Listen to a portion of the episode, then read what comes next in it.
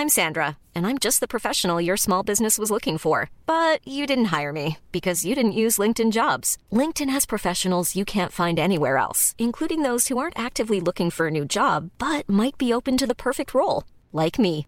In a given month, over 70% of LinkedIn users don't visit other leading job sites. So if you're not looking on LinkedIn, you'll miss out on great candidates like Sandra. Start hiring professionals like a professional. Post your free job on linkedin.com/people today. Burrow's furniture is built for the way you live.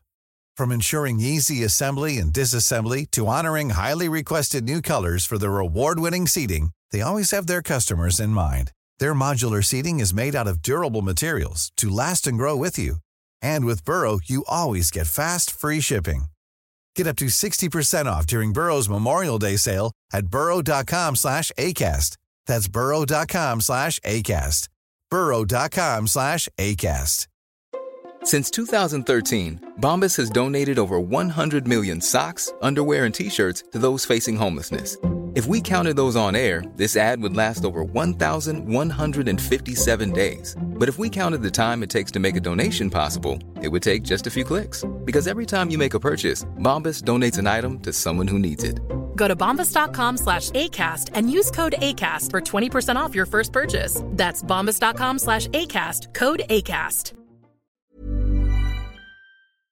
Yes, då är vi igång igen, gott folk. Välkomna hit till podden Nyans. Det ska bli så trevligt att spendera eftermiddagen med er, eller morgonen, eller dagen, eller natten, eller när ni än lyssnar. Idag ska vi prata om stalking igen, eller stalkning som min mamma säger. Eh, som det tydligen heter på svenska, har hon förklarat. Det heter stalkning. Eh, hur som helst, hallå på er. Jag heter Hanna. Jag är Paula. Och jag heter Kajan. Då så. Då kör vi. Då har vi inspelningen igång. Så ja, åklagaren kan väl börja ställa frågor. Det här är Nyans, feministisk true crime med Kajan, Hanna och Paula. Gott folk, det är inte ofta man säger. Nej, jag planerade i förväg. Är det sant? ska- Fan vad trevligt Ja, det lät. det tyckte jag också. Det är liksom samma genre som Gode afton mitt herrskap. Mm, mm. Hur mår ni? Ja. Det är lite mycket va med höstlov tycker jag. Mm. Höstlov när, när man inte är ledig. Ja, Jag har, har två eh, barn lediga hemma och en hund och eh, ganska mycket jobb den här veckan. Det går typiskt så att- att det ska vara mycket jobb just när det är dåliga förutsättningar för att jobba. Visst, Då helt plötsligt ska det smälla till. alltid så. Ja, Så när man har det eh, lite eh, fritt och verkligen, verkligen, verkligen vill, då är det ekar det tomt. mm. Nästa person. nästa man på rakning. Hur mår din tatuering? Den var så fin, jag har glömt att säga det. Den var skitfin. Jag är mycket nöjd så här långt.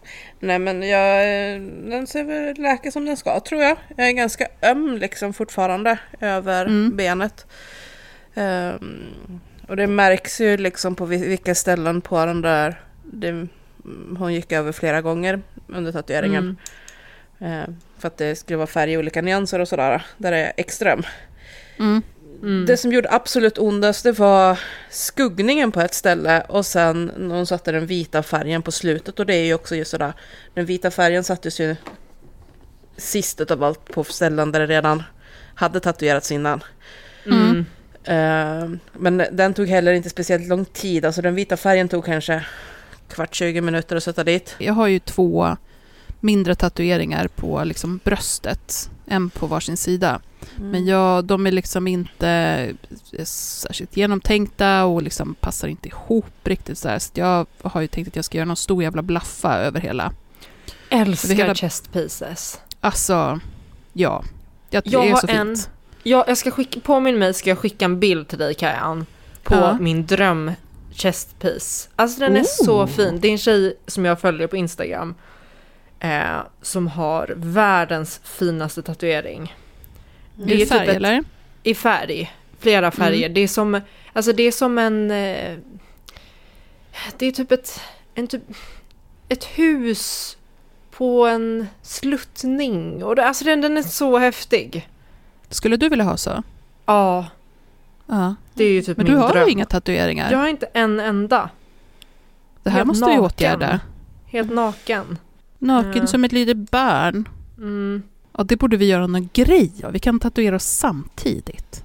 Ja. Vi får göra en nyanstatuering.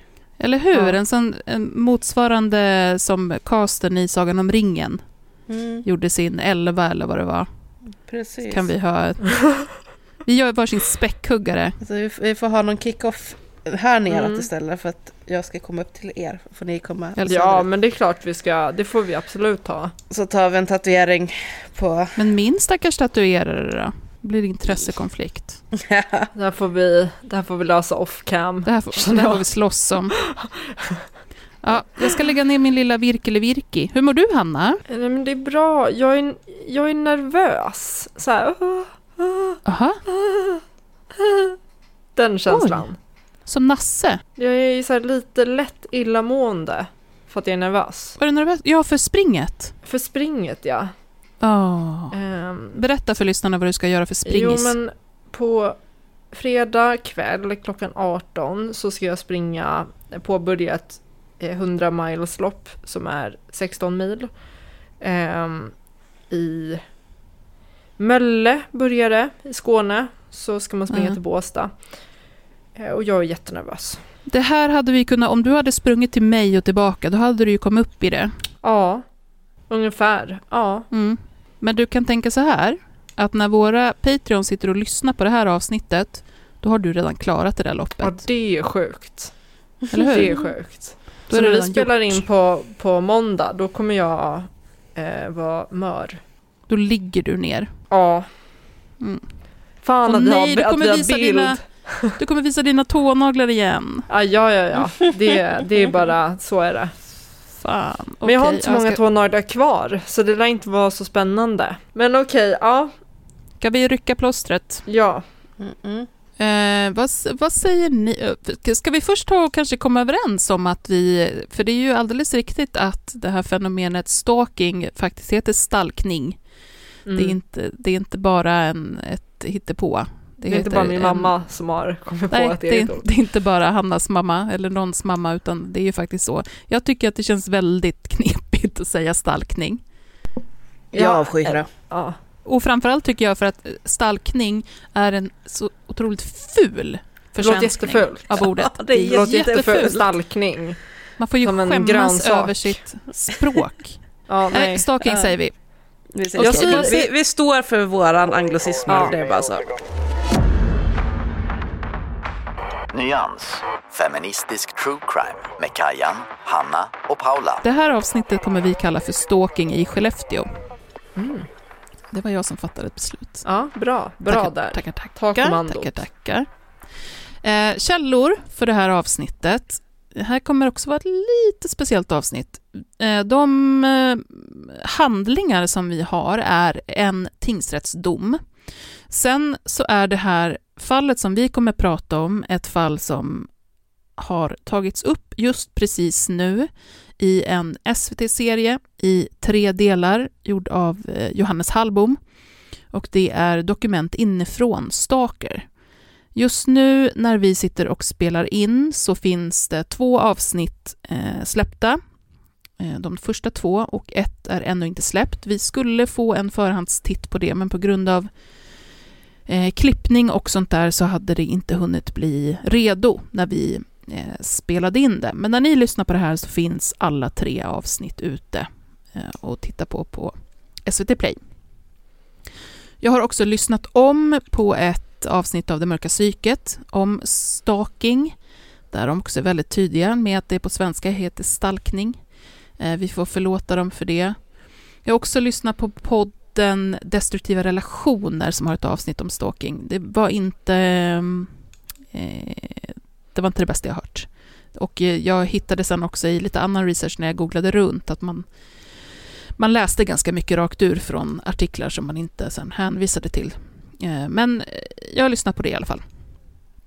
De inblandade personer som vi kommer att prata om är, eh, det är egentligen två eh, brottsoffer, men det är framförallt en som vi kommer prata om så att jag omnämner honom. Eh, han heter Felix Åkerlund.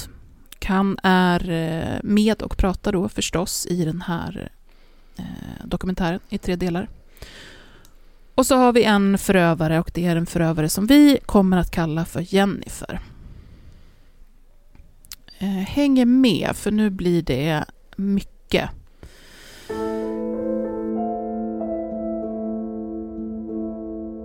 Vi är i Skellefteå och det börjar trilla in sms till lite olika tjejer runt om i staden. Smsen är ifrån någon som säger sig vara flickvän till en kille som heter Felix. Och nu hör den här då flickvännen av sig till olika tjejer och skriver att de ska sluta och skicka olämpliga meddelanden och nakenbilder till hennes pojkvän. Eh, det finns också andra typer av sms som handlar om att Felix har pratat skit om de här tjejerna och ljugit om dem och sådär. Sms-skrivaren är väldigt envis, trots att de här tjejerna säger att de inte har haft någon sån kontakt med den här Felix, eh, som många överhuvudtaget inte vet vem det är, eller bara har väldigt ytligt koll på så håller avsändaren fast vid att hon både har sett de här smsen och också de här avklädda bilderna som sägs vara skickade. Flera av de här personerna som blir kontaktade hör av sig direkt till Felix, eh, letar upp hans nummer eller får tag på det och eh, säger till honom att eh, vad det än han är som, eller vad det än är som han håller på med så får han lägga av med det. De blir rätt arga på att bli indragna i, i det som de tror att han hållit på och spridit. Oftast får de ingen respons alls av Felix. Det dröjer inte särskilt länge innan det här börjar eskalera. Förutom smsen till olika tjejer så börjar det också spridas rykten om Felix.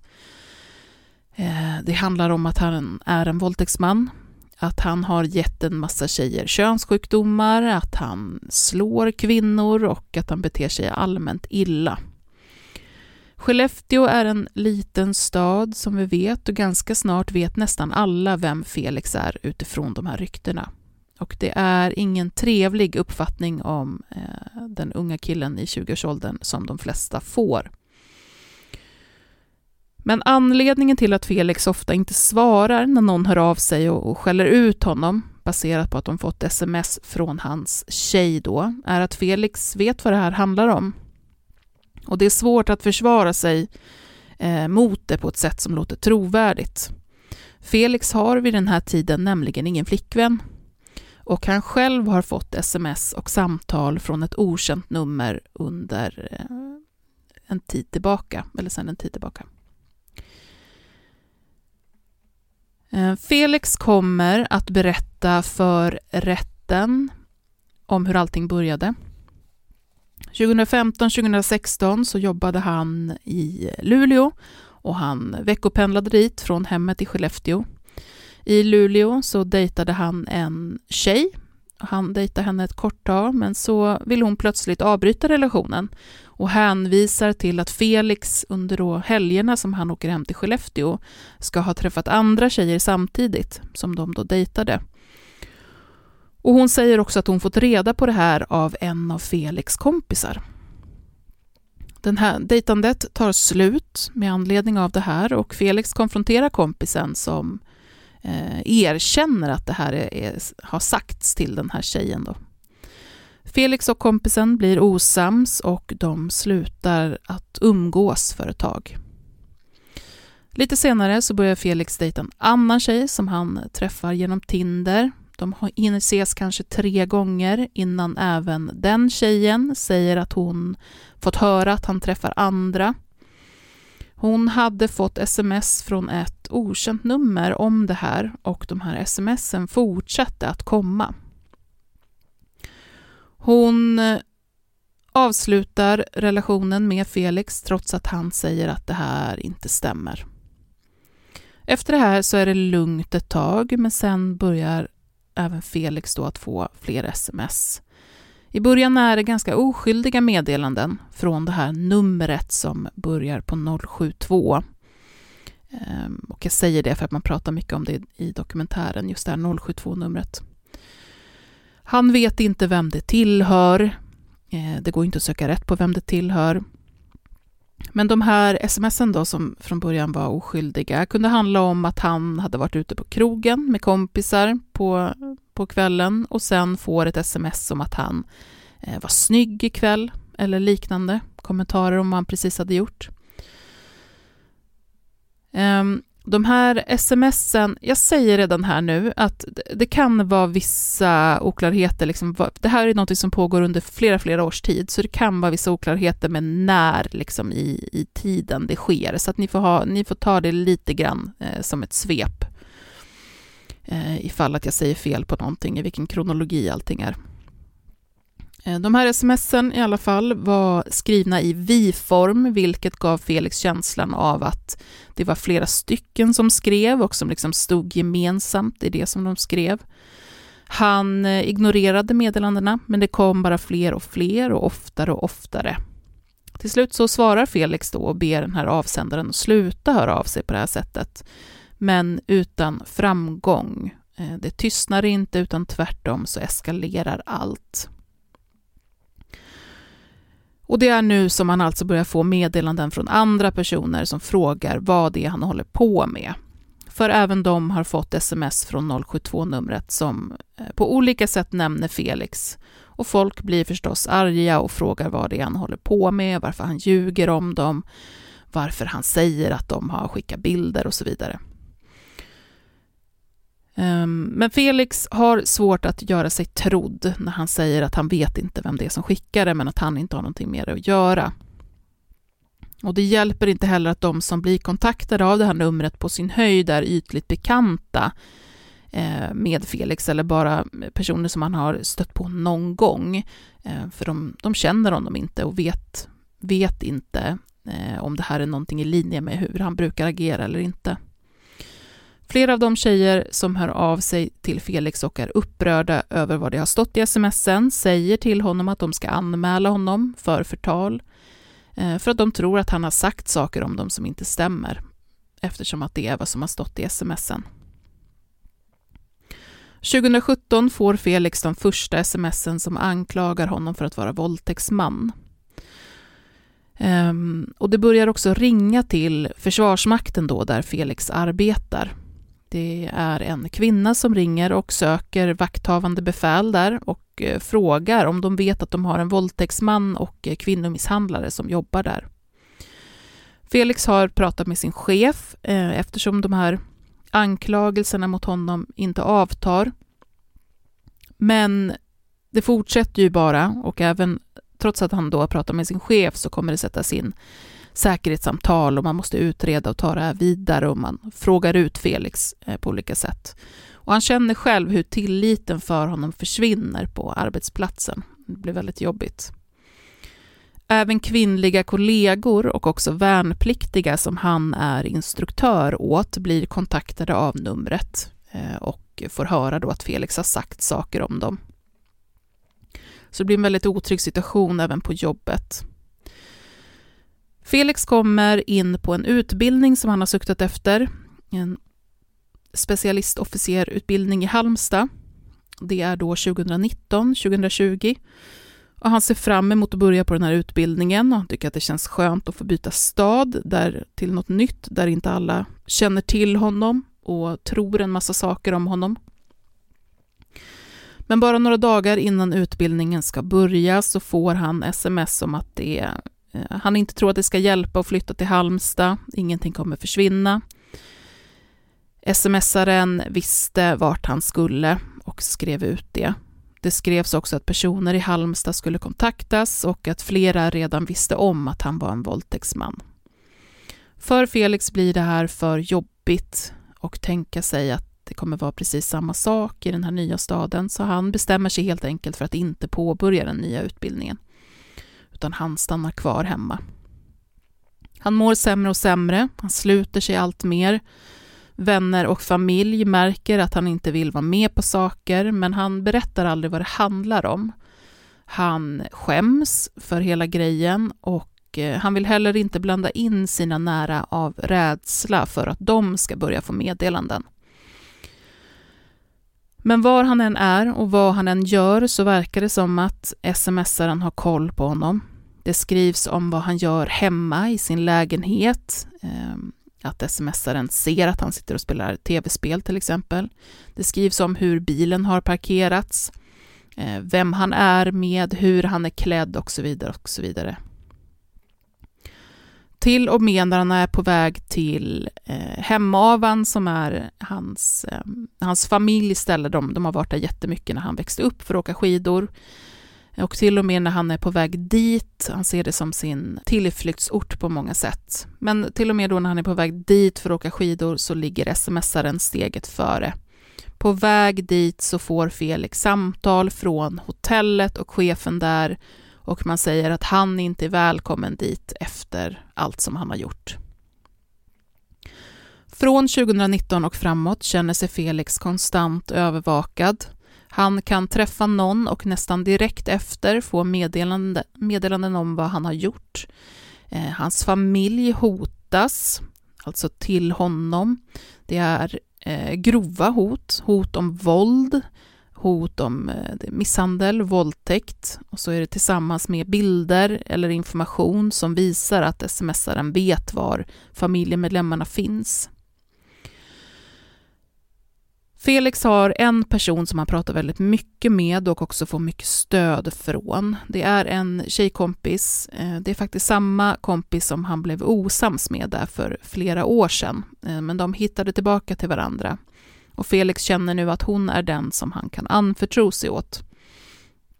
Den här kompisen har nämligen själv också börjat få en stor mängd sms till följd av att hon umgås med Felix. Så båda vet hur det är att vara utsatta och de söker stöd hos varandra. Även den här kompisen får motta rätt grova hot och vid ett tillfälle så ringer hon livrädd och säger att det är människor hemma hos henne. Eh, efter att samtalet avslutas så går det inte att få tag på henne och flera kompisar skyndar sig dit. Då är hennes lägenhet alltså sönderslagen Eh, och hon själv är väldigt medtagen. Och hon berättar då om hur hon har blivit utsatt för ett övergrepp av de här personerna som alltså stod och väntade på henne när hon kom hem. Felix och hans eh, kompis åker då till polisen efter det här. Han känner någonstans att det, nu, det måste vara nog nu, det här är så extremt eh, och allvarligt. Men när de är där så ångrar sig tjejkompisen och hon känner sig inte bekväm med att berätta om våldtäkten för polisen. Så istället blir det att Felix börjar berätta för polisen om de här smsen och förföljelsen i stort. Men polisen tar inte det här på allvar, trots att han kan visa upp telefonen och visa upp allt som har skrivits. De tror istället att det rör sig om något eh, kärleksdrama. Och några dagar senare, efter att de har varit där, så får Felix brev om att det hela är nedlagt. Det går inte att utreda. Felix tjejkompis mår väldigt dåligt, men hon känner en person som är polis som hon eh, söker råd hos. Och hon berättar för Felix om vad den här polismannen har gett dem för råd, nämligen att eh, ignorera samtalen och smsen och hoppas på att den här avsändaren ledsnar till slut. De gör just det, men när smsen ändå inte slutar att komma får Felix höra hur polismannen Eh, berättat för Felix tjejkompis om hur det också har kommit in en massa våldtäktsanmälningar och annat mot Felix. Och hur den här polismannen då, som, som vet bakgrunden, helt enkelt fått dem att försvinna. Eftersom polismannen genom det har begått grova tjänstefel får de dock inte eh, berätta det här för någon, inte prata om det. Och det gör de heller inte. Felix är väldigt tacksam för den här hjälpen och känner att eh, utan den här polismannen så skulle han sitta i fängelse vid det här laget. Vid ett tillfälle så har Felix till och med kunnat läsa om sig själv i lokaltidningen där det är hans signalement som beskrivs där man skriver om ett våldtäktsförsök som skett under natten. Det beskrivs alltså hans utseende och också precis de kläderna han hade på sig kvällen innan. Och strax efter att han läser det så får han sms eh, från numret igen som undrar om han kände igen sig av beskrivningen i tidningen. Till slut så kommer Felix pappa eh, vi kommer ihåg att han inte berättar för någon om det här, han pratar bara med sin kompis. Men till slut så får Felix pappa eh, reda på allting. Han får själv höra saker och frågar sedan Felix som till slut berättar allting. När pappan senare råder Felix eh, att själv höra av sig till den här eh, polismannen som de tidigare fått hjälp från så bestämmer han sig för att göra det. Men Felix tjejkompis får höra att Felix tänker prata med polismannen och hon blir eh, vansinnig. Han får absolut inte göra det. Men det gör Felix ändå och polismannen, han säger att han inte förstår vad Felix pratar om. Han har absolut inte trollat bort några våldtäktsanmälningar. Det har överhuvudtaget inte funnits några. Och han har aldrig varit inblandad i det här överhuvudtaget. Felix börjar undra hur mycket av det som hans tjejkompis sagt faktiskt är sant och eh, kollar bland annat med sina chefer på regementet, för hans kompis har sagt att hon har suttit i upprepade möten med dem för att eh, försäkra dem om att Felix är oskyldig. Men när han frågar dem så har inga sådana möten ägt rum. I början av 2020 så kommer Felix att träffa en tjej som han börjar dejta. Eh, och det, den här tjejen kommer vara eh, andra målsägande, men det här kommer Hanna prata om sen. Snart får Felix sms där det står att den här tjejen som han har börjat dejta är en av dem som står bakom numret. En i gruppen av alla som, som hatar Felix och, och vill fälla honom. Eh, Felix tar kontakt med tjejen som han träffar eh, och börjar att berätta om allt som har hänt de senaste åren, om allt kring det här numret. Och när tjejen han träffar får höra det här så råder det för henne ingen tvekan om vad det här handlar om. Det finns nämligen en gemensam nämnare genom allt och en person som det hänt mest konstigheter kring. Och det är hans närmsta tjejkompis, den som han har anförtrott sig åt.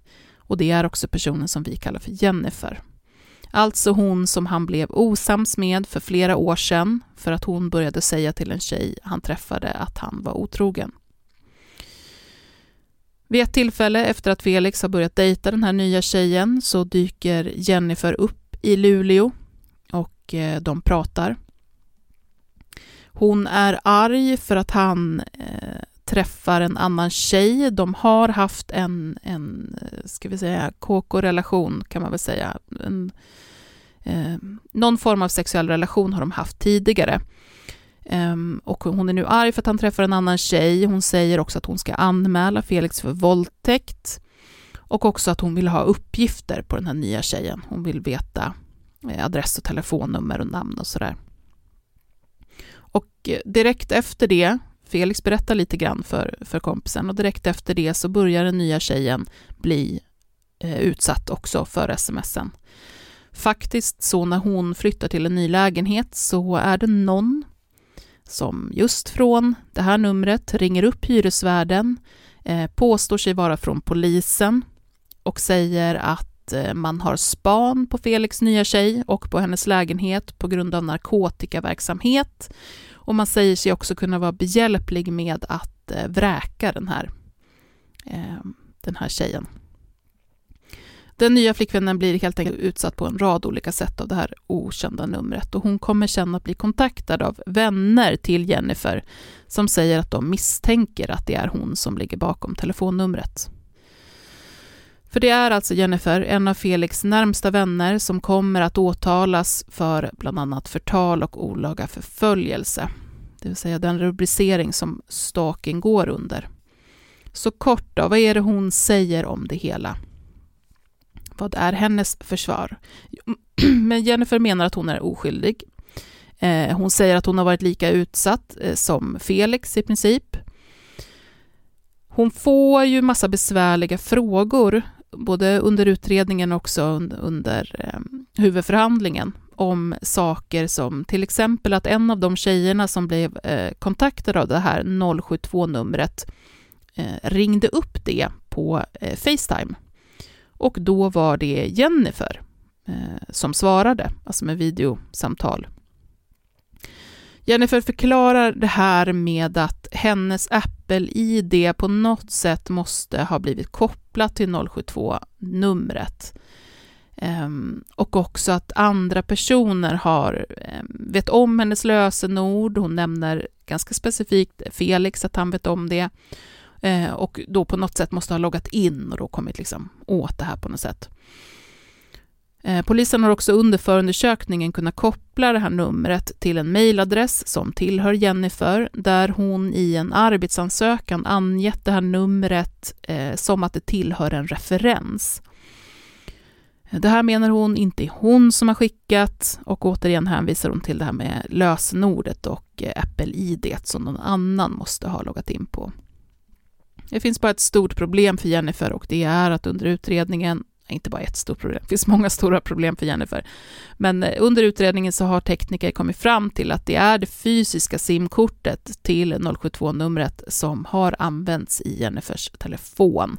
Det här kan man se, det har alltså inte handlat om något annat inlogg på någon annan enhet. Um, ja, det finns lite mer, det är jättemycket kring det här, men det blir så långt. Jag kan, jag kan ta in någonting mer i diskussionen sen. Jag ska bara säga att det är Eh, det som det handlar om, det jag har pratat om att det kommer mycket sms och så till Felix, det rör sig alltså om ungefär 2000 sms och sen till det så har vi eh, mängder av samtal och sådär också. Ja, vilken grej.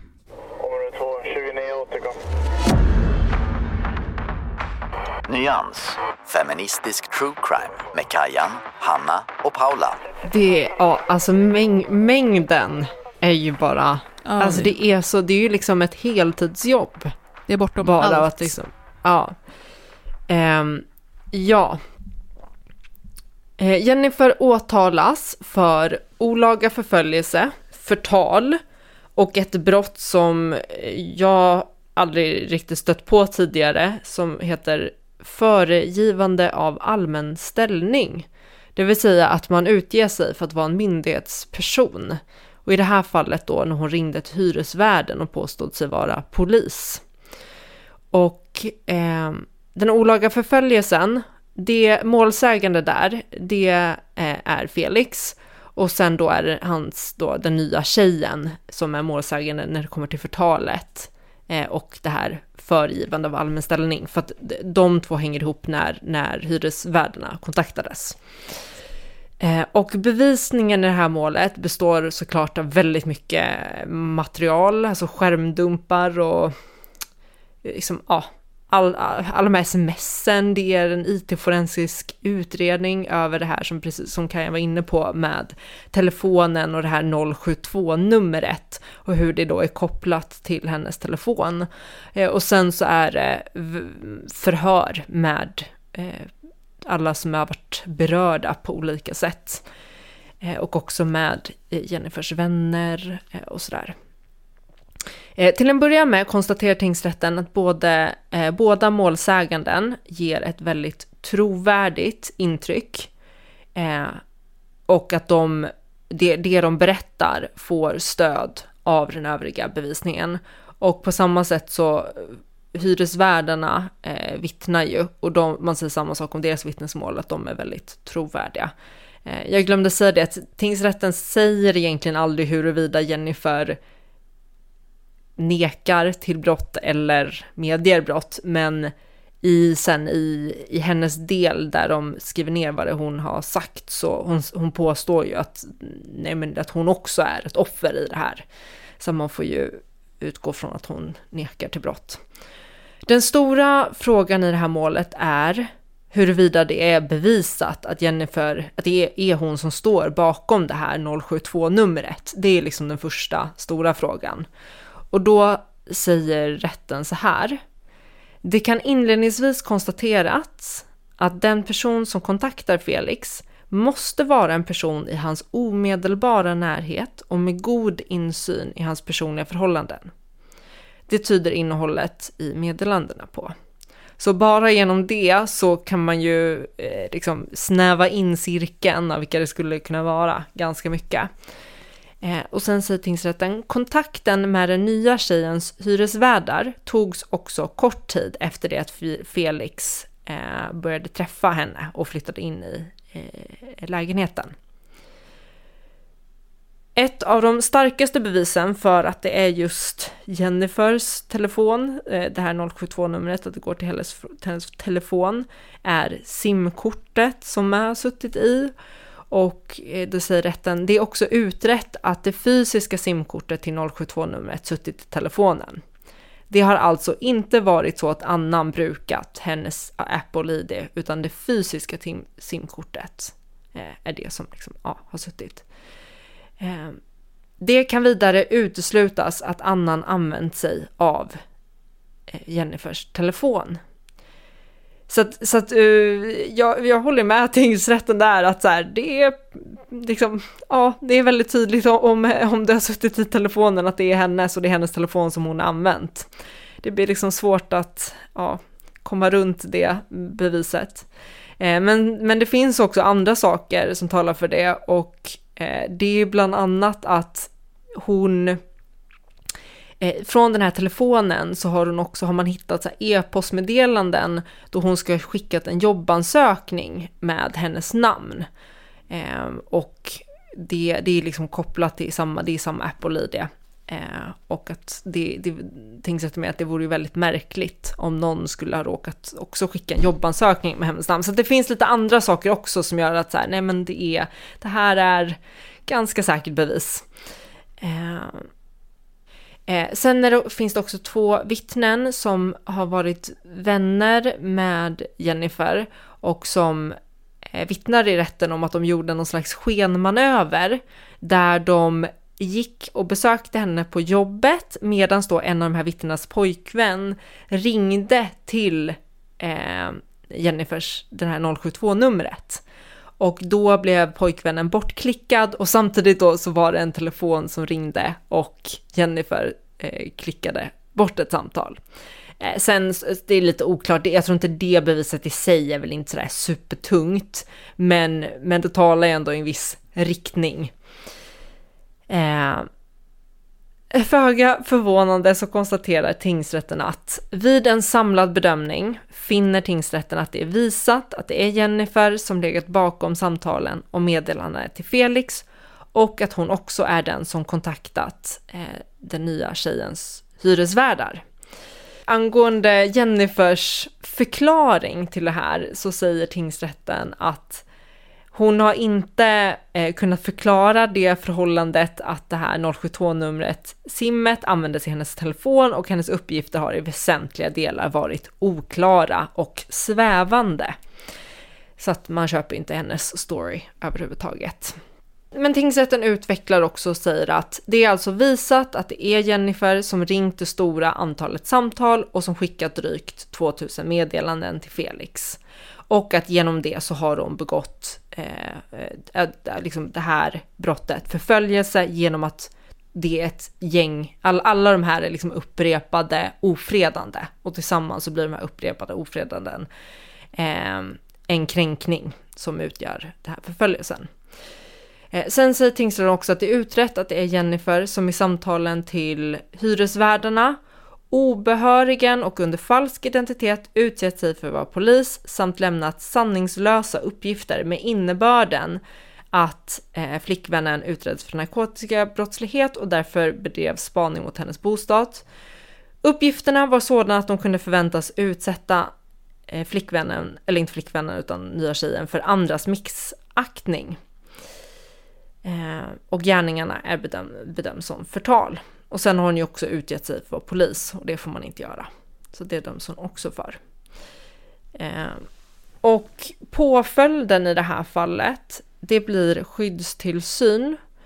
Eh, det, skyddstillsyn är som villkorlig dom fast med att man måste träffa frivården. Så att det är som en, som en Tingsrätten beskriver det så här. En skyddstillsyn innebär, att samt, innebär samtal med en frivårdsinspektör. Samtalen bygger på kognitiv beteendeterapi och har en enhetlig struktur och utgår från de individuella riskerna, behoven och mottaglighet. Samtalen sker genom ett urval av grundläggande KBT-tekniker för att skapa relation och verka för förändring.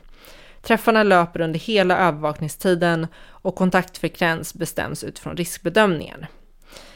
Under en skyddstillsyn förordnas utöver detta vanligtvis ett biträdande, en biträdande övervakare i ett individuellt uppdrag för stöd och kontroll.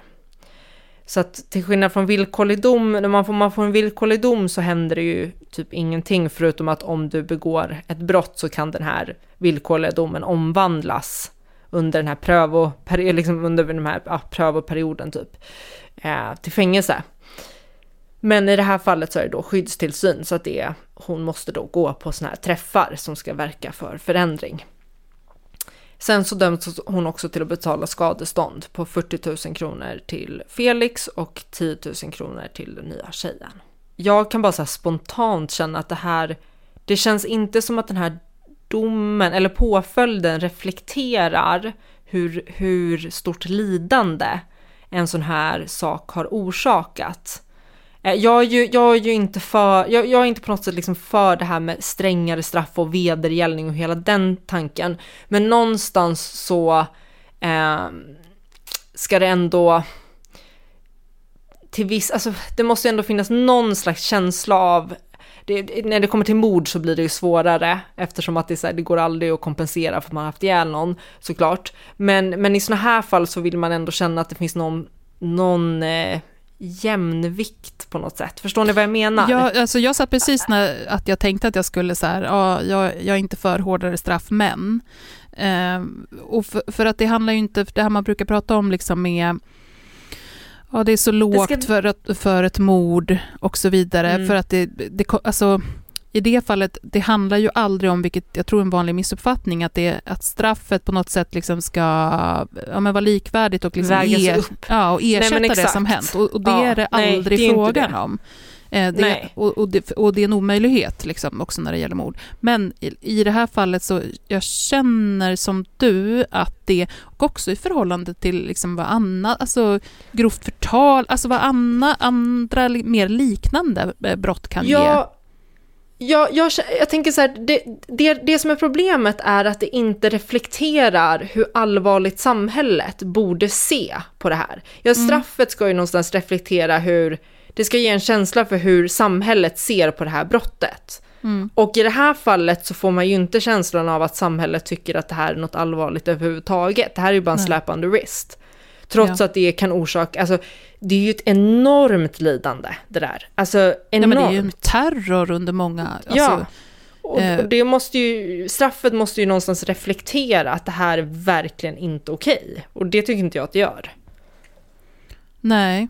Undrar hur, varför man inte tar in eh, olaga hot i... Jag tänker för att det, hon, eh, hon hotar ju ändå alltså han, hans anhöriga mm. med alltså både våldtäkt och, och, och misshandel och... Ja, jag vet inte. Är det, är det om man tänker att det liksom inte finns någon... Eh, att det inte skulle hända, att det var tomma hot liksom? Inte vet jag. Jag ty- ja, jag ja, vet, det är så eventuellt. mycket som är så jävla allvarligt i det. Ja. Alltså terrorn i sig med att vara konstant övervakad, men sen också det här att eh, Jennifer är en väldigt skicklig stalker. För mm. att hon får mm. sånt genomslag. Förstå att slå upp tidningen och se en, en rätt stor artikel som handlar om ett våldtäktsförsök eh, liksom, under natten och det är dig mm. själv som, alltså att det är du som Aj. beskrivs. Ja, det är så vidrigt. Det är, alltså, det, det är ju gör... verkligen Kafka Ja, alltså det här eh, fallet, nivå. Det, blir, det är ju så extremt just från, alltså stalking är, är alltid väldigt obehagligt, men just att, att den här stalken får sånt enormt eh, genomslag och liksom framgång i, det är ju en mm. hel stad som tror att Felix är eh, våldtäktsman, eh, mm. liksom vidrig person på alla möjliga sätt. Mm. Och så dessutom då väldigt eh, allvarliga hot och att han tror att det är han, han tror ju att hans kompis har blivit utsatt för en våldtäkt och misshandel och innebrott på grund av honom. Alltså det är så vidrigt. Jag ska hålla mig lite, kände jag nu, för nu började jag springa iväg. Sorry Paula.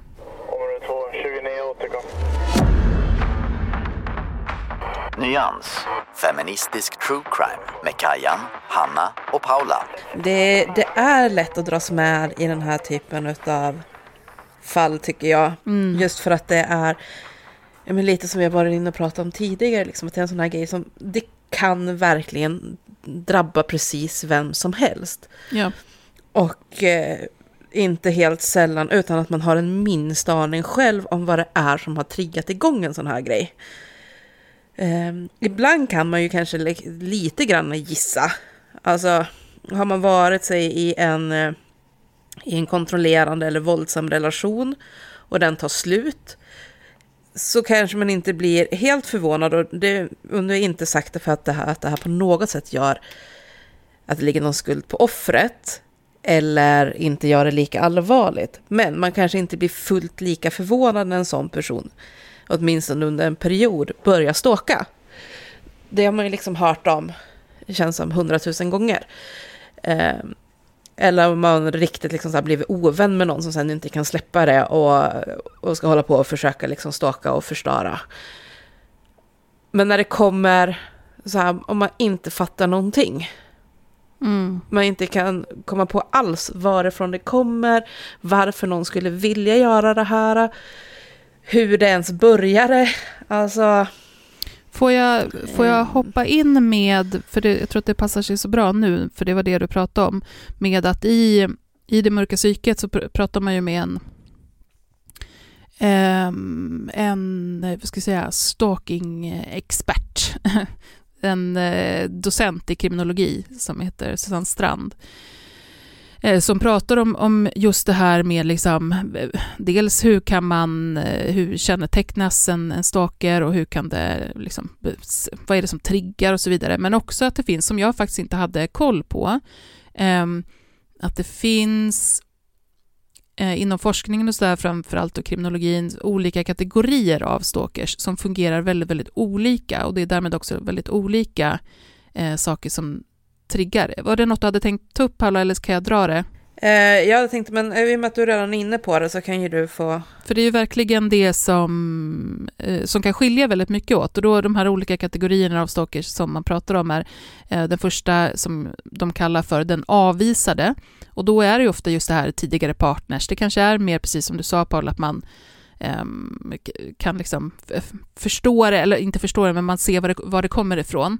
Ehm, och det här är också den största gruppen, alltså det är eh, det vanligaste. Och det ska också sägas att det absolut vanligaste är att det är kvinnor som blir utsatta och blir utsatta av män. Eh, och också även att när det är kvinnor som stalkar så är det oftare att kvinnor stalkar andra kvinnor. Så att, att kvinnor stalkar män, som i det här fallet som vi pratar om nu med Felix, det är eh, i- det stora hela eh, rätt så ovanligt. Det är ganska duktigt av oss att vi har lyckats ta två fall av kvinnor som stalkar Ja, när vi ska prata stalking, när det är de ovana. Men, men det är väl kanske lite därför de också har blivit lite mer intressanta, för att de sticker ut på det sättet. Ja, men och sen tänker jag också att, att det när vi har tagit upp i, i, jag tror kanske inte att det är så konstigt, för vi har ju tagit upp alltså stalkingbeteende i andra fall, men där det har slutat i ett mord till exempel. Men därför att det är män som är förövarna och är betydligt mer våldsbenägna och större våldskapital och så vidare. Eh, så att där är det ju också kanske oftare då att det liksom händer, händer någonting annat och då blir det det som blir eh, den stora biten. Mm. Jag skulle säga att det, det förekommer ju, alltså just när det handlar om våld och nära relationer på något sätt, där det slutar i ett mord, så är det ju inte ett dugg ovanligt att det har förekommit någon form av stalking. Nej. Och det är även när det är kvinnor som är med. Jag tänker på um, Dexter-mördaren till exempel. Det Mm. fanns ju en viss mått av stalking Japp. eh, från hennes sida, både mot ex-pojkvännen och pojkvännens nya som hon försökte, eller som Mm. hon styckade. Mm. Så att, Ja. eh, Nej men precis, vi har ju men varit- förlåt, du ska få vidare, det är fyra nej, kvar. nej. Men gud, vi, herregud, vi har väl tid, vi får prata. Eh, men det var alltså den första, den avvisade, den vanligaste kategorin. Sen finns det kategorin som man kallar för den intimitetssökande och då är det personer som, men det kanske ofta är det här man, man att någon stalkar en kändis eh, till exempel. Att man Eh, söker en liksom närhet och också kan ha så här fantasiförhållanden med personer och att man liksom bara vill vara nära dem på något sätt. Eh, sen finns det den kategorin som man kallar för den inkompetente stalkern. Och då handlar inkompetensen handlar ju om att man eh, till exempel eh, har svårigheter att läsa signaler, eh, någon klasskamrat är väldigt trevlig mot den och man tror att det betyder att man är ett par eh, och så vidare. Så man övertolkar och läser in saker. Och sen så finns det hämnaren och det här hade jag liksom inte alls koll på att det gick under samma begrepp, för, för här verkar liksom i princip rättshaverister eh, inkluderas. Så hämnaren handlar om, då är det liksom inte en, en, ett ex, liksom en, en före detta partner som det handlar om, utan till exempel mot så här, ja, men en myndighet eller en kundtjänst. Man känner att man har eh, blivit felaktigt behandlad på något sätt och inte ger sig. Eh, man bara pepprar dem med samtal, med brev, för man ska få upprättelse på något, på ett helt sätt, på ett sätt som inte är proportionerligt alls. Eh, och sen så är den sista, ganska ovanliga kategorin då, är ju eh, stalkers som stalkar för att det ska leda fram till ett annat brott. Till exempel man stalkar eh, kvinnor som man sen eh, som man planerar våldta och som man också våldtar, eller till och med eh, kanske mördar. Och att då stalkingen är en del i eh, ska vi säga, för, för, förberedelse. Um, Usch, det är så obehagligt. För det brottet. Ja, och, det kanske, och den kategorin kanske den man oftast...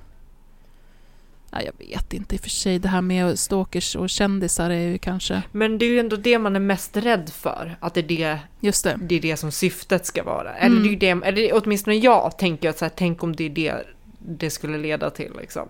Ja, men, och där kommer det in lite när vi hade seriemördaravsnittet med seriemördare som inte är Eh, eh nu kommer jag inte ihåg de kategorierna, ni får lyssna på det avsnittet. Mm. Men eh, seriemördare som inte är liksom impulsivt drivna utan har planeringsfaser och sånt. Mm. Där kan ju ofta en stalking, ganska lång stalkingperiod. Ja, strukturerade. Strukturerade, tack. Precis. Mm. Men det är de, jag, jag vet, hade ni koll på alla de här olika Nej, jag tänkte alltid en klump bara. Ja, jag gjorde det också ja. faktiskt. Men det makes sense nu när du beskriver det. Alltså... Visst. Ja. Jag har nog tänkt det som tre. Alltså lite så här, men dels den mm, efterpartnern som inte kan släppa. Mm. Eh, och sen den okända som bara får en hänga på någon. Som den, och den offret inte ens fattar vad som händer typ. Ja. Eh, och sen rättshaveristen. Det är väl liksom de tre jag har tänkt som tydligast så att de finns mm. där ute. Men då har du i alla fall tänkt på rättshaveristen som en stalker. Det hade inte jag gjort. Ah, uh, jo, men jag vet inte om det är för att jag ändå har haft med lite rättshaverist att göra. Mm. Och där jag verkligen liksom känt att ja, men det blir verkligen den eh, grejen liksom med telefonsamtal och konstiga mejl och där det kan komma liksom att jag ser minsann att du har varit och tittat på den här grejen och bla bla bla bla, bla så att ja. Ja, just det. Eh, så det är nog mest därifrån. Men mm. hur är det med er? Hade, hade ni varit med om stalker? Um, jag har inte blivit stalkad. Men jag har nära anhörig eh, som har det. Nej, alltså jag har, haft, eh, någon, jag har haft någon period av att det är eh, ett nummer som har ringt sådär hundra gånger per dag. Eh, men, eh, och, och sen har jag svarat någon gång och då är det helt tyst men det är ingen som lägger på. Eh, men då har jag eh, blockat det till slut och sen har det liksom inte varit något mer. Så att an, antingen är det att jag har en stalker som jag inte vet om eller liksom mm. inte kommit på mer eller så var det bara någon random person som tyckte att det var kul att och jävlas mm. med eh, olika nummer, inte vet jag. Men, men inte jag, sådär uttalat. Jag vet att mm. min, min anhöriga var uh, utsatt. Mm. Det var under så otroligt lång tid. Uh, mm. det, och alltså det, påver hur, det påverkade så mycket och så mm. många i mm. familjen liksom. Ja. Uh, alltså en sak som i båda poddarna faktiskt som jag liksom reagerar lite på, eller jag tycker att det känns lite eh, malplacé, är hur man pratar om Eh, inte så mycket i det mörka psyket, men det förekommer ändå. Men att man pratar om ni vet, så här, vanlig, säga, vanliga beteenden som att man till exempel kollar upp någon man är intresserad av på sociala medier. Eller att man man kollar på ett ex eh, stories och liksom det kan väl inte vara stalking? Nej, men om, att man kopplar Nej. ihop de där två lite grann och med lite så här att ja, men någon man var intresserad av, då såg man till att man kanske gick med hunden eh, närmare där den bodde för att man kanske skulle råka stöta in i varandra. Och jag, för Ja. mig är det så två eh, skilda saker. Ja. I mitt huvud är Det- det inte svårt att skilja på. Nej, inte mitt heller.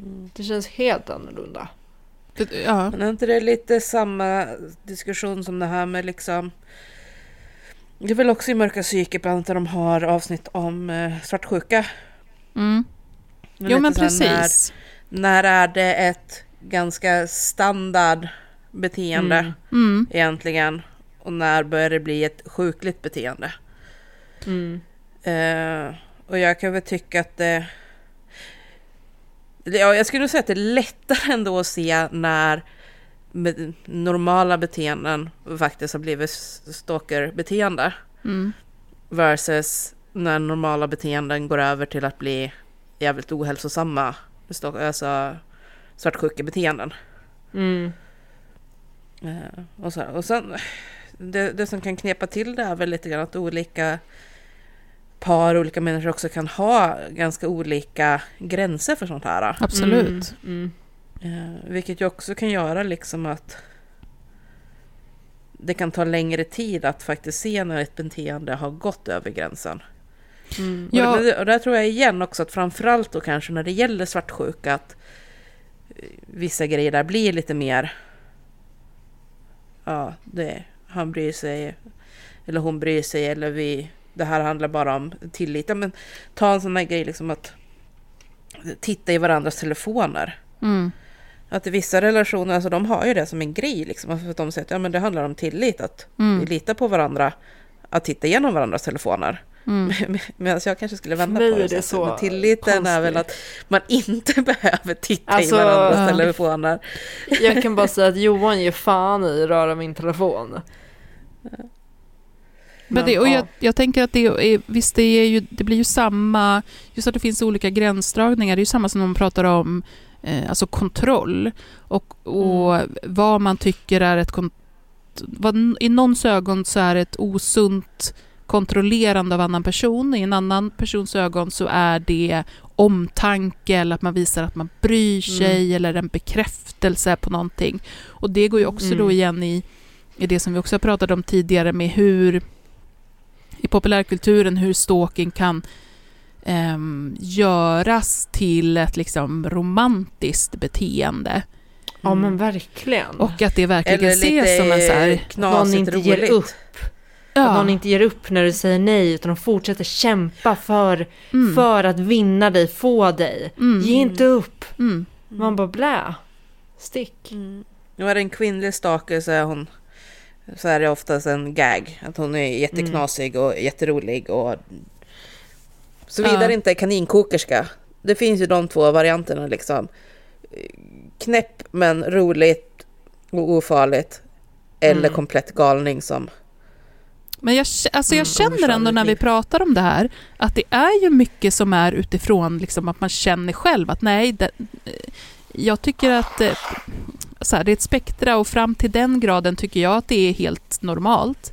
Men att det går över en gräns och att man bara ska känna när det går över den gränsen, att det lätt kan bli Ja. godtyckligt.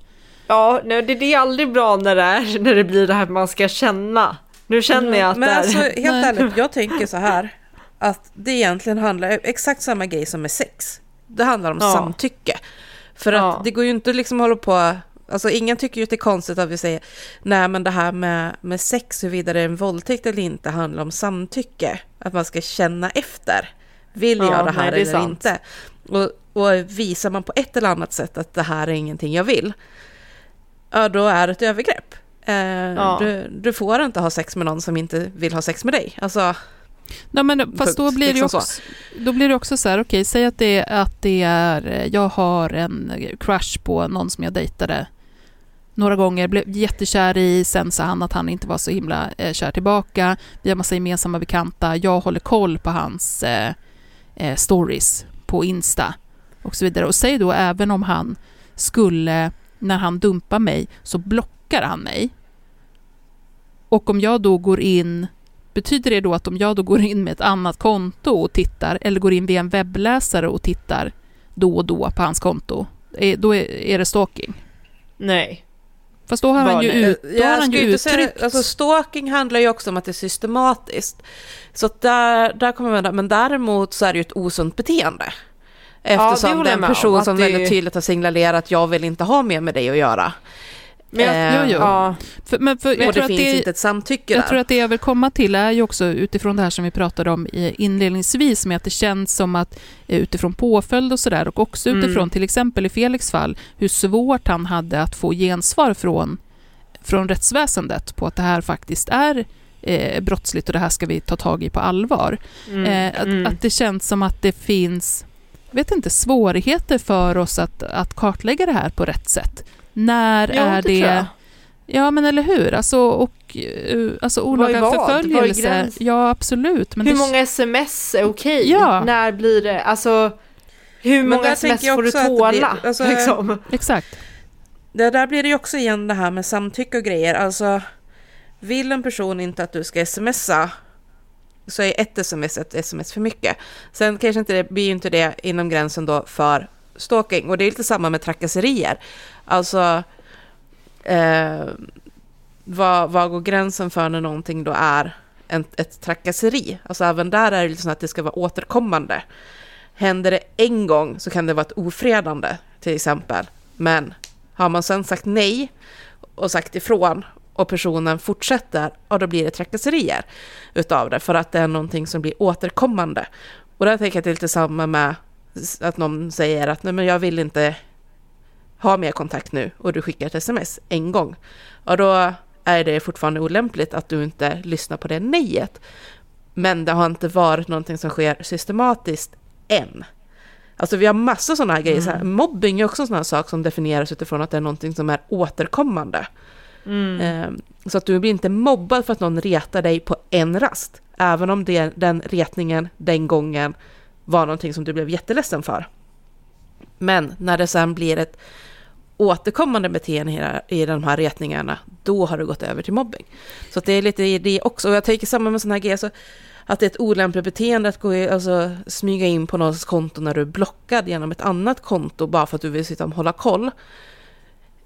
Det, det är lite så här, ja, men vad ska personen göra åt om han inte ens vet att det sker? Där kommer ju stalkingen in mer i om man i så fall börjar göra det känt.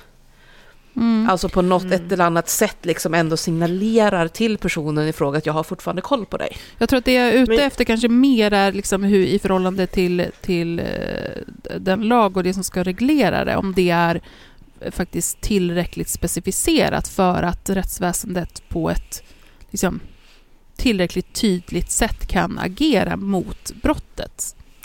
Alltså jag, jag vet inte nu. Nu... Skjut från höften. Giss- Jag skjuter från höften. Men jag får lite känslan av att, att ha läst att det finns, att det finns en viss okunskap eller kanske ovilja Mm. att utreda den här typen av brott. Särskilt när det är internet, alltså när det sker över nätet. Mm. Eh, när det sker liksom stalking över nätet. För det, det vet, och det vet jag for fact. Alltså, att försöka anmäla grejer som har skett på nätet är verkligen skitsvårt. Ja. Det, du, det läggs ju ner, de tittar inte ens på det innan det har lagts ner liksom. Mm. Eh, och det känns som att det är lite det, alltså det är en del av problemet också. Ja, men och ska vi inte glömma det som vi redan har sagt, att det är oftast kvinnor som blir utsatta för Mm. stalking och utsättaren är ofta Mm. män. Och vi vet att den kategorin av brott, eh, där ligger oftast efter. För att det är normalis- Ja. normaliserat eh, på olika sätt och man kanske inte tycker Mm. att det är en lika liksom, stor grej. Sen ska det ju såklart inte vara så i formulering av lagar och så vidare, men jag, jag vet inte, jag tycker att man kan utifrån dels den här domen men också generellt så, så tycker jag det finns ett problem. Ja, men alltså det jag har ju fått, fått höra typ i princip att ja ah, men du har ju ditt konto öppet så då får du skylla dig själv liksom. När jag har Ja. försökt anmäla brott Ja. hos polisen. Eh, och den typen av attityder underlättar ju inte direkt Nej. för lagföring. Men, men jag, alltså bara eh, utifrån vår diskussion nu Mm. så känns det som att det inte är helt tydligt vad, vad som räknas och inte som stalking. När går det över till att bli den här olaga förföljelsen?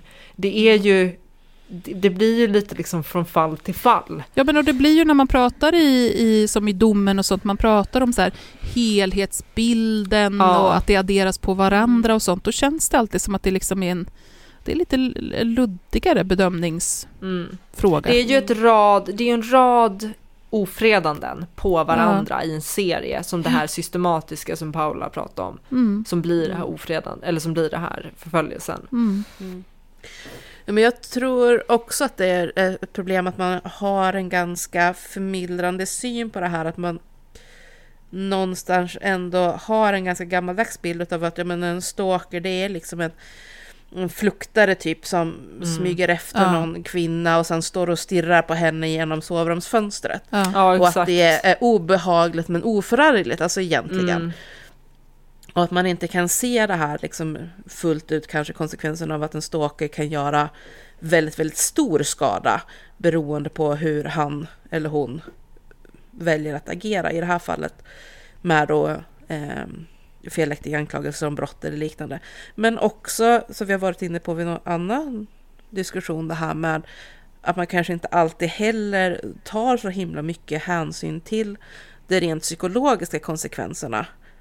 Nej. Ehm, vi, Mm. vi höll på att diskutera kring det till exempel här med vad är, vad är våld och eh, liksom så att man glömmer av sig kring det psykiska våldet som ju stalking ganska mycket handlar om. Det är inte... Alltså jag kom på en sak nu, när du frågade om, jag hade varit, om vi hade varit med om stalking. Eh, jag tänkte nog inte att det här räknades till det, men jag hade, när jag bodde i studentlägenhet, jag och min kompis bodde tillsammans, så hade vi en, eh, det som man kallar för fönstergluttare, vilket Mm. är liksom så himla förmildrande av vad det är, som, liksom ren, Mm. som härjade i området. Och han hängde vid oss väldigt mycket, så att jag hade ju eh, utanför mitt sovrumsfönster så var det som liksom persienner där man fortfarande kan se genom gliporna. Mm. Och så var det en rabatt Mm. nedanför och där var det liksom nertrampade fotspår och liksom ciggfimpar Eh, för att han återkommande stod där. Och där vi också, jag och min kompis satt i soffan och kollade på TV en kväll. Och vi hade liksom då fönster, eh, men precis bredvid oss vid soffan, som är ett klassiskt vardagsrum. Och där jag helt plötsligt ser i ögonvrån att det är en person som står liksom, i fönstret. Så det är så jävla obehagligt. Och den, Usch vad läskigt. den iskalla liksom, känslan i kroppen och att jag fortsätter stirra rakt fram och bara säger till min kompis, jag bara, "Det- titta inte nu, men, men det står någon, står någon rakt utanför fönstret. Sen hade jag tur och hade liksom, min kompis var totalt jävla orädd och bara blev arg och eh, kutade upp och flög ut genom dörren och började jaga honom och skrek o, liksom, okvädesord efter Mm. honom. Men da, alltså den, det där kan jag fortfarande tänka tillbaka på. Att det är en person som återkommande har stått och liksom tittat in på mig när jag har dragit för mina persienner. Liksom kanske ligger och Mm. sover eller vad som helst. Det är ett sånt fruktansvärt obehagligt Mm. liksom, intrång i... Och tänk då om det händer över flera års tid tillsammans med en massa Mm. annat. Mm. Ja men det är där jag känner att det tappas bort det Ja. här psykiska. För Precis. på ett sätt, liksom, även om det inte händer någonting fysiskt för dig där, Ja.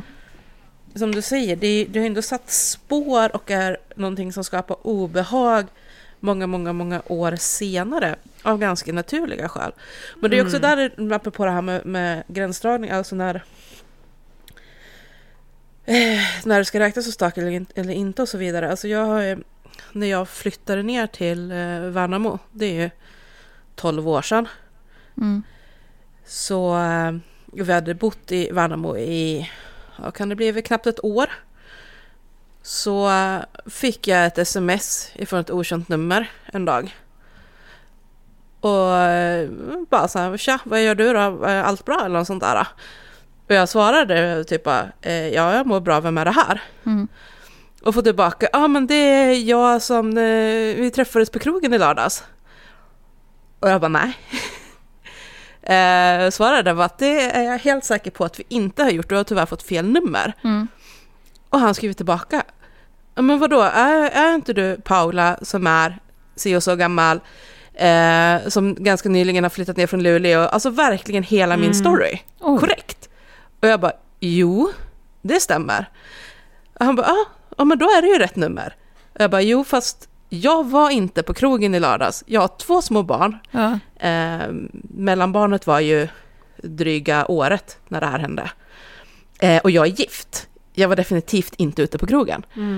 Och han bara, är du, vad fan, vad sa jag? Jag sa bara, men det, här är länken till min Facebook-sida, gå in och kolla så ser jag en bild på mig. Är det den du träffade i lördags? Mm.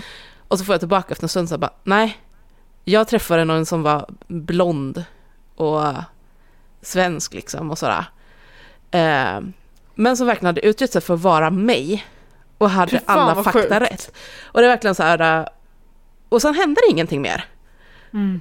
Och, eh, och jag sa till till den här snubben att jag beklagar verkligen det här. Jag har ingen aning om vem det är du har träffat eller vad som har hänt. Eh, men det var ju sjukt obehagligt typ. Mm. Men sen har det liksom aldrig hänt någonting liknande igen. Jag vet fortfarande inte vem det var som gjorde det. Jag vet fortfarande inte vad som, vad som hände. Det är bara en enda händelse. Mm. Men det faktum att hon hade mitt namn, min ålder, min födelsedag, visste var jag kom ifrån, hur länge jag hade bott i Värnamo och så vidare. var verkligen så här, men det är ju någon som har haft koll på mig. Och det här hände ju innan jag fanns, som, alltså vardagsrasismen fanns inte då, jag var inte en offentlig figur på det sättet. Nej. Så det här kom ju innan det. Så det är verkligen så här, fortfarande än idag bara, vad fan var det egentligen som hände Usch där? så obehagligt. Usch så obehagligt. Ja. Öh. Sånt där, när jag... ja, äh. Panik. Ja, nej, men alltså, även fast man liksom inte har varit i närheten av det som Felix har varit med om Mm. under de här åren, att man ändå liksom kan bara alltså, och, alltså knappt föreställa sig fullkomliga liksom, terrorn. Mm. Alltså bara det att bli anklagad för ett brott man inte har begått, det är ju Mm. liksom typ my Och se worst att, nightmare. att se att andra tror att- på det och att de inte tror men en det- när man, när man försvarar sig. Och det är Ja. överallt och det är på jobbet och det är liksom, du vill byta Mm. stad, det är där också. Fullkomligt Mm. mardrömsscenario. Ja. Nej, fy. Ja. Och nej, nej, jag kan känna mig nästan lite sur över att rätten inte verkar ta in Mm. magnituden av vad det är han faktiskt har blivit utsatt för alla de här åren. Eh, just för att det är en sån där grej typ att ja, men han har ju inte blivit fysiskt skadad. Nej. Så då är det inte så farligt. Mm. Men han har ju fått hela sitt liv raserat. Ja. Mm. Ja, Under jag- de här åren. Det Vi, nej, vi får, nästa gång vi pratar om det här så får vi ta ett, eh, ett fall med en kvinna som blir utsatt så, så får vi Mm. se om vi hittar några liksom, skillnader och, och paralleller. För att det, Ja. det, Det får vi göra. det här ämnet är så jäkla... Alltså det är ju intriguing på många sätt för att det Mm. är så extremt obehagligt. Ja, jag kan ju till exempel, jag tror att det finns framförallt våldskapitalet. Ja. Mm. När, när en man stalkar, att det också är någonting som han använder sig av i det. Även om det inte går över i fysiskt våld Mm. så är det ett typ av hot som finns där på ett helt annat sätt än vad det gör när, när det är en kvinnlig stalker. Ja, och, för och det mesta. Det tvångsmässiga men- sexualiserandet och det liksom alla de bitarna. Ja, Mm. precis. Men det kan bli en intressant diskussion tänker jag.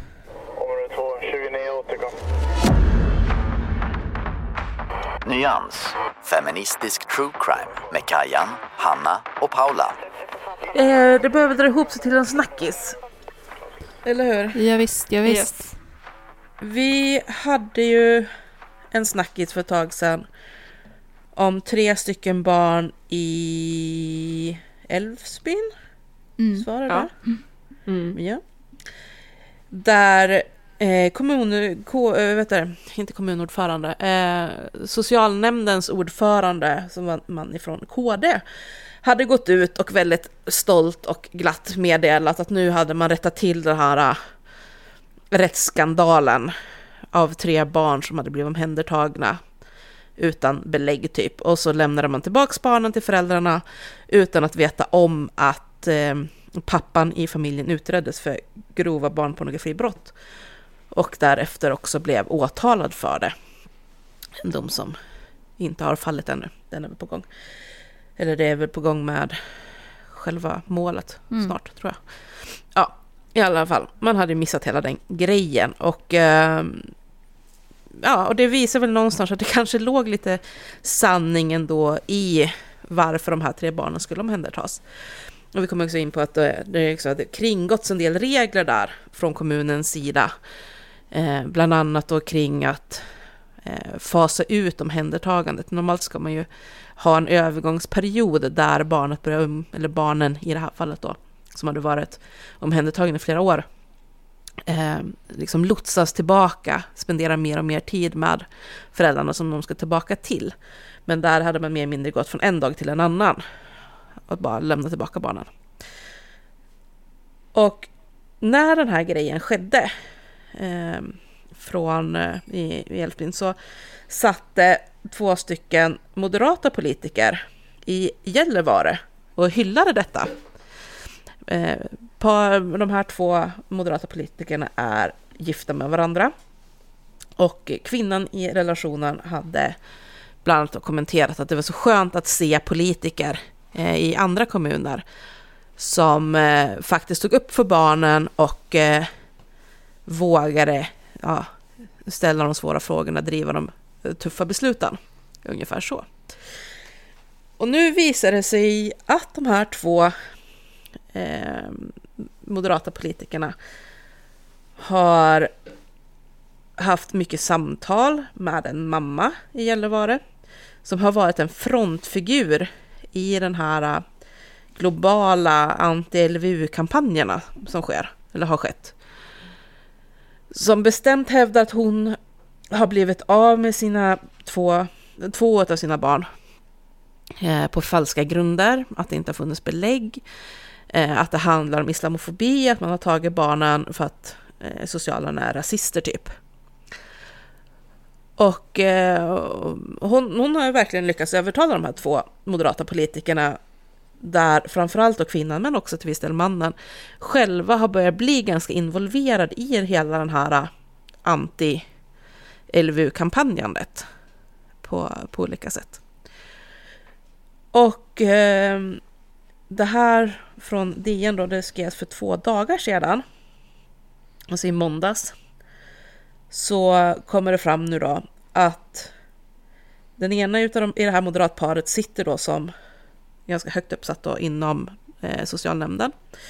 Och man har helt enkelt beslutat rakt av att de här två barnen som är omhändertagna ska tillbaka till föräldrarna. Punkt. Och man går inte, alltså man får inget utslag i familjerätten, man går inte de korrekta vägarna för att upphäva ett LVU-beslut, utan man bara bestämmer att nu ska barnen tillbaka. Eh, och eh, detta då trots att det handlar om en son och en dotter.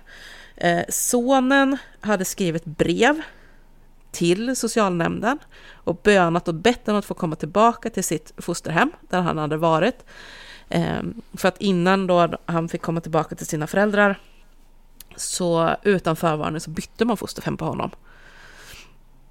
Han hade bönat och bett att få komma tillbaka till dem där han hade varit innan. Han vill inte, och han vill absolut inte tillbaka till föräldrarna. Och dottern i fråga vill absolut inte heller tillbaka till föräldrarna. Eh, och den här DN-reportern skriver bland annat om att han har fått, eh, de har fått höra på en, eh, en ljudinspelning från när då dottern hämtas och ska till föräldrarna. Eh, och hur hon gråter och ber om att snälla, snälla, jag vill inte dit, snälla, snälla, låt mig få stanna. Eh, och ändå tvingar man tillbaka barnen till föräldrarna och menar på att LVU-besluten har inte varit korrekta. Ehm. Mm. Det är så jävla allvarligt. Det här är så jävla ja. allvarligt och jag, jag, blir så här, vad, vad, går det liksom troll i de här jävla, oh, bara svär, eh, i de här eh, liksom kommunpolitikerna och, och har de no, är det någon makthybris? Vad är det liksom som försiggår? När man, när man utan Naturligtvis måste du ha full koll på hur den här gången ska gå till för att det ska vara rätt och man bara skiter i det. Mm. Vad är det som händer? Oh. Det är något så här, ta lagen i egna händer, eh, någon slags populistiskt eh, messiaskomplex. Jag vet inte. Mm. Ja, nej men det är verkligen så här äh, äh, rikt, riktigt, riktigt illa liksom. Och äh, det skriver också så här att barnen hade inget juridiskt ombud, vilket de har rätt till att ha. När det kommer till sådana frågor, det ska alltid finnas med ett juridiskt ombud som för barnens talan. Mm.